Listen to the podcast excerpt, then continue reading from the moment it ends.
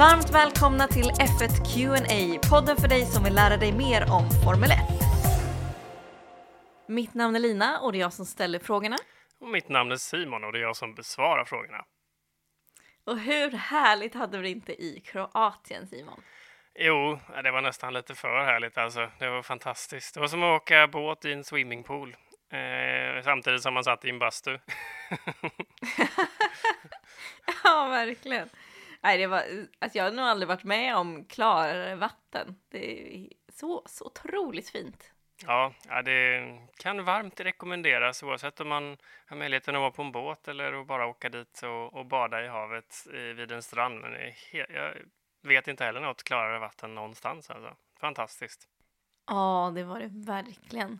Men sen så hade jag och min lilla familj ganska otur faktiskt. Mm, tyvärr. Så på ett sätt var det ju tur att vi förra veckans avsnitt som vi spelade in i förhand inte låtsades som att mm. vi hade spelat in det efter resan för att allting gick ju inte riktigt som planerat.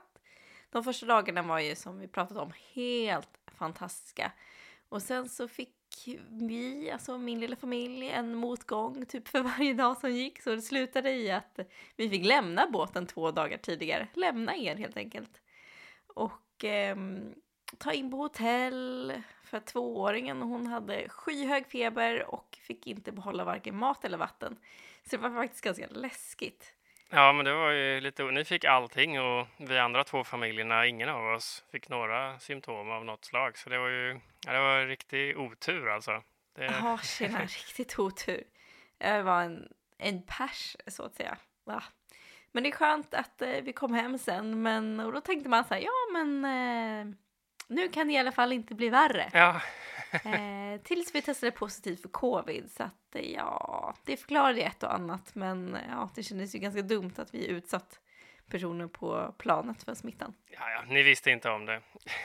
Vi visste Men om man inte om. Eh, bortser från alla era, er familjs otur med olika diverse sjukdomar så var det fantastiskt ja. i Kroatien. Ja, det var det verkligen. Jag ser fram emot att ge den här resan en revansch. Det gör jag också. Jag vill ändå bara säga det till alla som lyssnar att i och med att jag låter lite förkyld så är det för att jag är lite förkyld slash har covid. Men vi mår bättre nu så att ja. Eh, vi spelar in det här avsnittet ändå. Eh, det gör vi. Och det gör vi ändå på distans. Att, eh, det är säkert. Det är säkert. Det är säkert. Det kommer inte färdas igenom radiovågorna. Ni kan vara lugna. Och nu har vi nyss haft ett race i, på Silverstone. Om vi går ja! in i F1-ämnet igen här. Precis, alltså superkul. Det var ju extremt händelserikt. Ja, bland de roligaste racen jag har sett på länge. Alltså de sista varven har jag gått in och tittat en gång till på. För att det var så bra racing. Nej men det var ju helt galet. Man, det gick ju inte att sitta ner. Vi stod ju upp och skrek. Ja. oh, så spännande. Och vi har ju också en, en, en intern betting Eh, du, jag och några vänner. Mm. Eh, och jag var väl den enda som inte hade satsat på att Sainz skulle vinna. jag hade inte vågat göra det. Jag tänkte så här, men Verstappen tar det. Han gör det alltid typ. Han hade tagit det om inte hans bil eh, blev eh, seg tror jag. Precis, och det var så, så jag tänkte också. Mm. Men eh, då tänkte jag att då är det någon annan som tar det. Så jag hade satsat lite på Hamilton, men ja. Sainz, mm. bra jobbat alltså. Ja. Första seger. Det är kul. Mm. Men sen vill vi också säga att det är väldigt skönt att höra att både Joe och Albon mår bra trots den här äh, hemska kraschen i början. Ja, Halon räddar mm. igen. Ja, tack gud för den. Måste ja. säga. Många som hade strykt med annars. Men på grund av den här kraschen så dök det upp en del frågetecken, inte bara hos mig och vår lyssnare Nathalie Lebenhaupt, utan också Sainz hörde man ju på radion och Ferrari undrade också vilken startordning det skulle vara i omstarten när den skulle ske. Så Simon, hjälp oss nu reda ut det här. Varför ändrades inte startordningen om efter rödflaggen trots att det var flera förare som lyckats köra om? Ja, du menar varför den ändrades? Ja.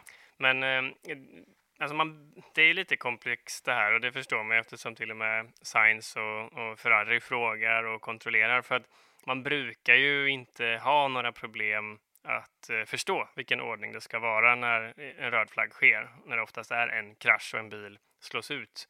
Um, och då brukar man ju gå på senaste sektorn eller senaste varvet. Det brukar liksom inte vara något komplext. Jag tror att folk har inte riktigt koll på detaljreglerna, men och också det faktum att om man behöver avsluta ett race på grund av rödflagg ehm, då har man som regel att det är ehm, föregående varvet som, som är eh, slutställningen. Men i det här fallet så hade man ju inte slutfört ett varv. Man hade inte ens slutfört första sektorn. Så det fanns liksom ingen ordning vid någon sektortidtagning att gå på.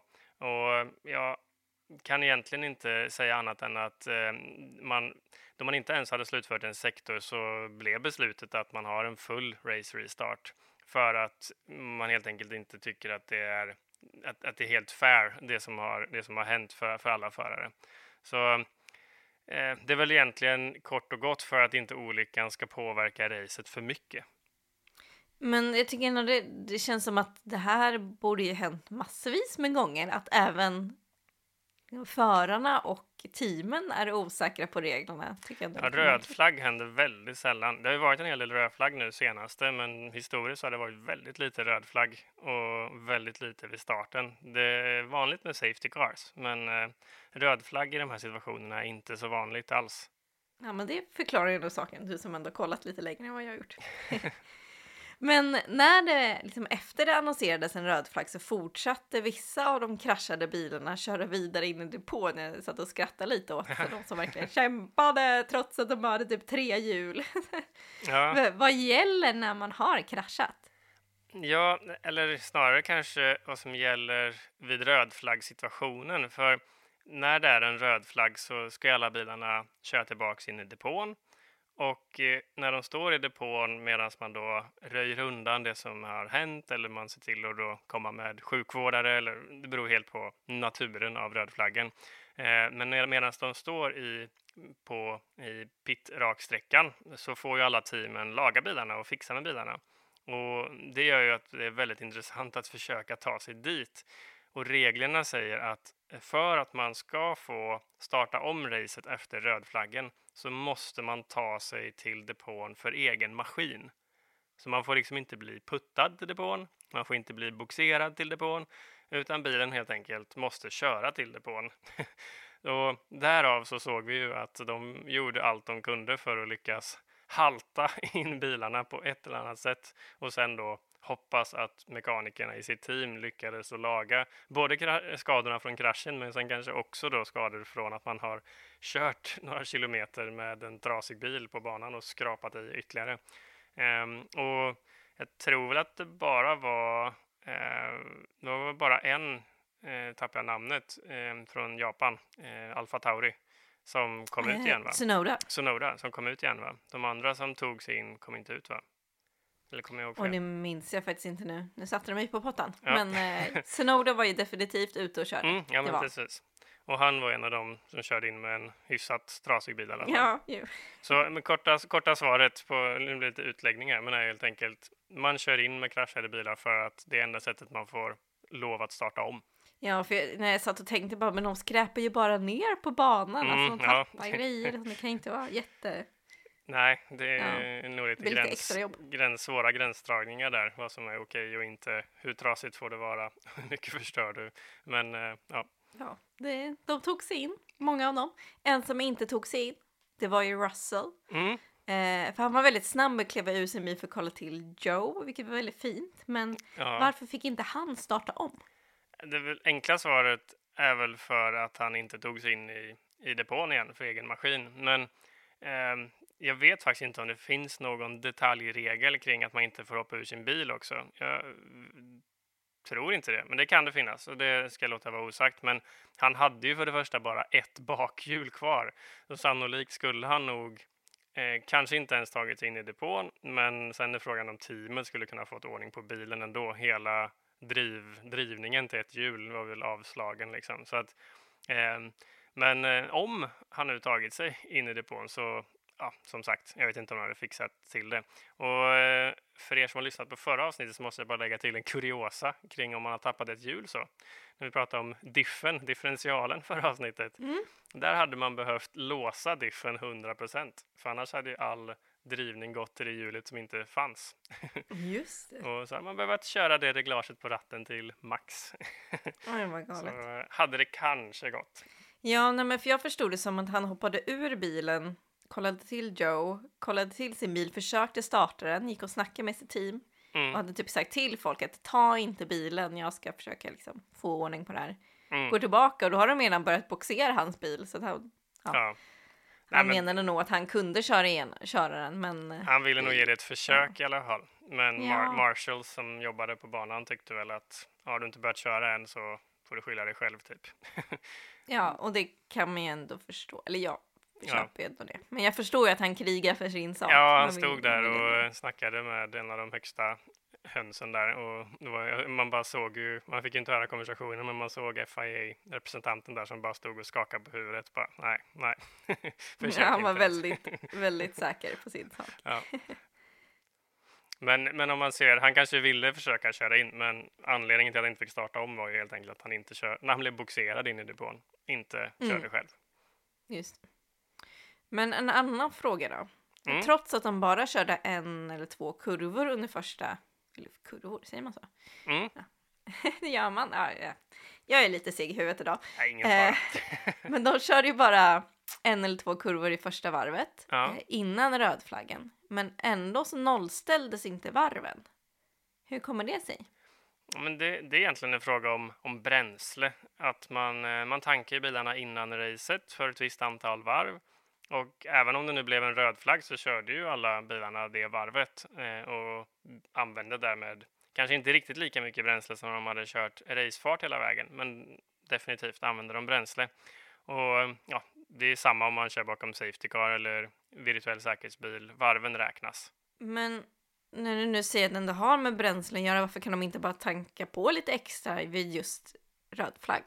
Eh, ja, korta analysen är väl att det, det både ökar komplexiteten i hela, hela eh, depåcirkusen och allt kopplat till det, men framförallt en stor säkerhetsrisk. För att det kan börja brinna? Eller? Ja, ja men precis. Bensin är Mm. farligt.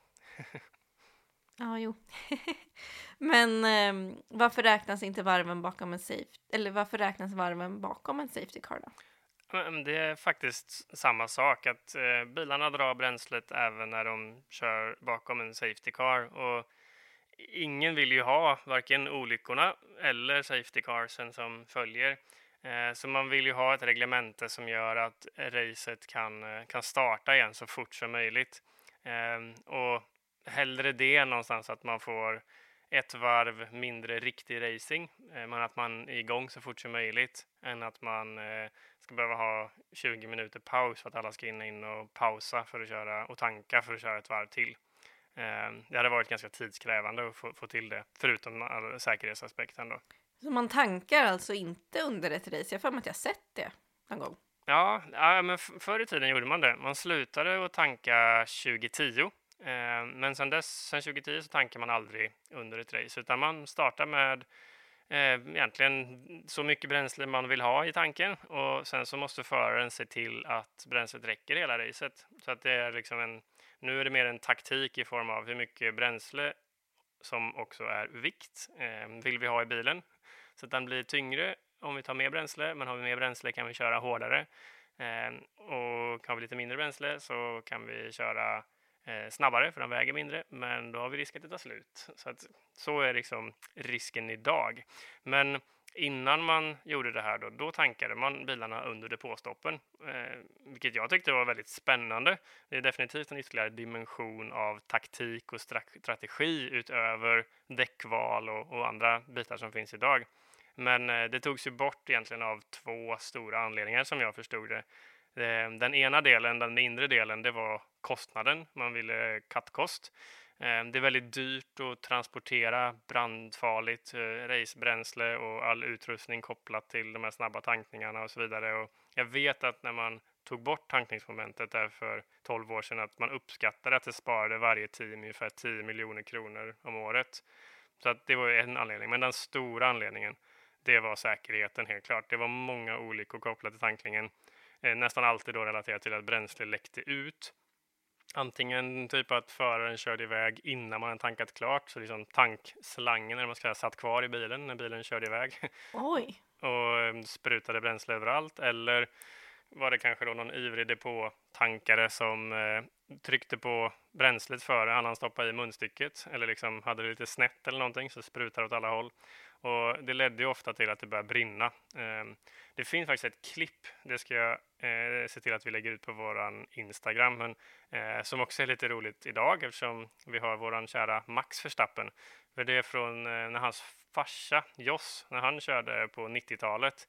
Men det är helt sjukt alltså. Det är läskigt som tusan. Det, det slutar lyck lyckligt men det ser ut som en actionfilm typ. För han, de tankar hans bil och sen så när de drar ur tankslangen så typ fyller de sätet liksom, där han sitter med bränsle och så tar allting eld för det bara börjar brinna över hela bilen och runt alla som står där med däck och så. Så som tur är, när alla har brandsäkra kläder och det kom dit 20 brandsläckare på två sekunder så var det ingen som skadades, men alltså det ser riktigt läskigt ut. Så om man ser den filmen som jag ser till att vi får ut på Instagram så förstår man varför man tog bort det tror jag.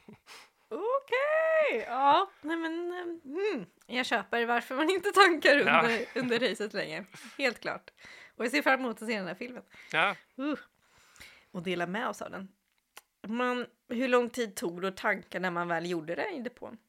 Uh, alltså jag vet inte exakt hur lång tid själva tankningen tog i snitt, för jag menar, det tog ju såklart olika tid om man körde i 5 liter eller 25 liter. Men uh, om man ser till före 2010 när man tankade, då tog väl depåstoppen 6 till 9 sekunder ungefär. Ehm, Medan de idag tar de kanske 2 till 4 sekunder. Så det, jag antar att man började tanka i början, så det tog väl kanske då mm, 6 sekunder att tanka. Och sånt där. Så det var ju snabbt fortfarande. Det var ju högt tryck i de där. Det var väl det som gjorde att det sprutade bränsle överallt om de hamnade snett eller något annat. Ja, tjena. Glad att man inte hade den eh, arbetsuppgiften förut. Alltså. ja. Fatta om man sitter fastspänd där i bilen och sen oh så bara sprutar någon i 20 liter racebränsle på dig. Åh, ja. så nej fy. Skräcken. Ja, Klaustrofobiskt. mm. Men när vi ändå är inne och pratar om omstarter, mm. om vi ska ta oss tillbaka till det ämnet och inte bara prata om massa läskig, läskiga ja. bränder. Eh, eh, har det hänt att någon har tjuvstartat? Och vad blir det i sådana fall för straff? Ja, ja, men det har hänt. Ehm, det är inte så vanligt. De är sjukt duktiga på att inte tjuvstarta. Men det finns till och med en mätutrustning i bilarna som automatiskt ska upptäcka om de tjuvstartar. Det finns någon transponder i bilen och sen så tror jag det finns någonting i banan också som, som känner av eh, vet, transpondern känner av rörelsen så att de vet då om bilen börjar röra sig för lamporna har slocknat. Ehm, jag kommer ihåg från tror, två år sedan nu när Bottas eh, i Ungern, när han, han, han startade före lamporna hade släckt men stannade igen och sen startade han igen. Så att han tjuvstartade ju faktiskt. Men det, det rörde sig så lite då eh, att transpondern faktiskt inte reagerade. Eh, så att eh, det var ju en tjuvstart, men han blev faktiskt inte bestraffad för det eftersom det, det var så lite. Men om man verkligen tjuvstartar på riktigt, kör full gas innan man får göra det, eh, då blir man bestraffad. Och vilken typ av bestraffning man får, eh, det är lite en bedömningsfråga som jag förstår det, baserat på hur stor fördel man fick av regelbrottet. Så. Så eh, i regel får man väl fem eller tio sekunders tillägg eller möjligtvis en drive-through. Tycker att det borde ske oftare? Ändå. Ja, ja de övar väl på det här väldigt mycket på den här reaktionen. Ja. Vi har pratat om de här lampreaktionsövningarna och grejer de håller på med. Men, eh, Precis. Eh, I träningsavsnittet. Ja. ja. Nej men intressant. Men du sa drive-through. Ja. Mm, kör inte förbi McDonalds liksom? Eller, det är väl i och för sig kanske vanligare sammanhang att använda termen i. Nej, men det, är, det är en bestraffning där föraren måste helt enkelt drive through the pit lane, eller köra igenom depån. Eh, där det såklart då som eh, råder en hastighetsbegränsning så att man tappar massa tid helt enkelt. Eh, man får stanna vid sitt team och byta däck om man vill passa på att göra det, men man kan också bara köra igenom om man hellre vill göra det. Och när man har kört igenom depån en gång helt enkelt så åker man ut på banan igen. Så drive-through är ett forcerat depåstopp kan man säga, vilket gör att du tappar tid. Just det. Jag antar att det måste göras ganska direkt så att Ja. man inte kan planera in det smidigt. Nej, men precis. Jag tror du kanske har eh, två, ett varv, två varv på det eller någonting Ja. sånt där. Det Mm. kan faktiskt inte de pyttedetaljerna där. Det kan också kanske Mm. vara eh, när man får straffet, att man får en limit, tidslimit när det måste ske. eller något Just sånt. det. Ja, men det lär ju vara något sånt så att man inte drar fördel av det. För Ja, nej, det, då blir det inte så bra straff. Nej, precis. Men nice Simon, ja, men jag, tänker, jag hänger nog med på de frågetecknen som i alla fall jag fick upp under eh, förra racet. Och jag hoppas också att Nathalie känner sig nöjd med svaren. Du får höra av dig igen om du tycker att du glömde fråga det här eller något. Ehm, så um, tycker jag att vi avrundar där. Ja, Eh, helt enkelt. Och så får vi njuta av ett kommande, ett kommande race. Det kommer vara ganska många race framöver va? Innan det blir eh, sommaruppehåll. ja, det är ett tag till. Det är väl augusti som är semestermånaden för F1-förarna. Precis. Men så vi har fortfarande lite race kvar att eh, njuta av här under sommaren. Precis. Värmen. Det får jag luftbubbla i näsan. Ja, försöker prata här men det går inte så Då bra. tackar vi för oss. och eh, glöm inte att gå in på F1 Q&A på Twitter eller Instagram och ställ era frågor om ni vill att vi ska ta upp något ämne eller någon fråga. Så eh, får vi helt enkelt eh, hoppas att vi hörs igen om en vecka. Ja, det hoppas jag också. Nu ska jag kurera mig. Ja, gör det Lina. Ha det så bra. Ha det så fint. Hej då! Hej!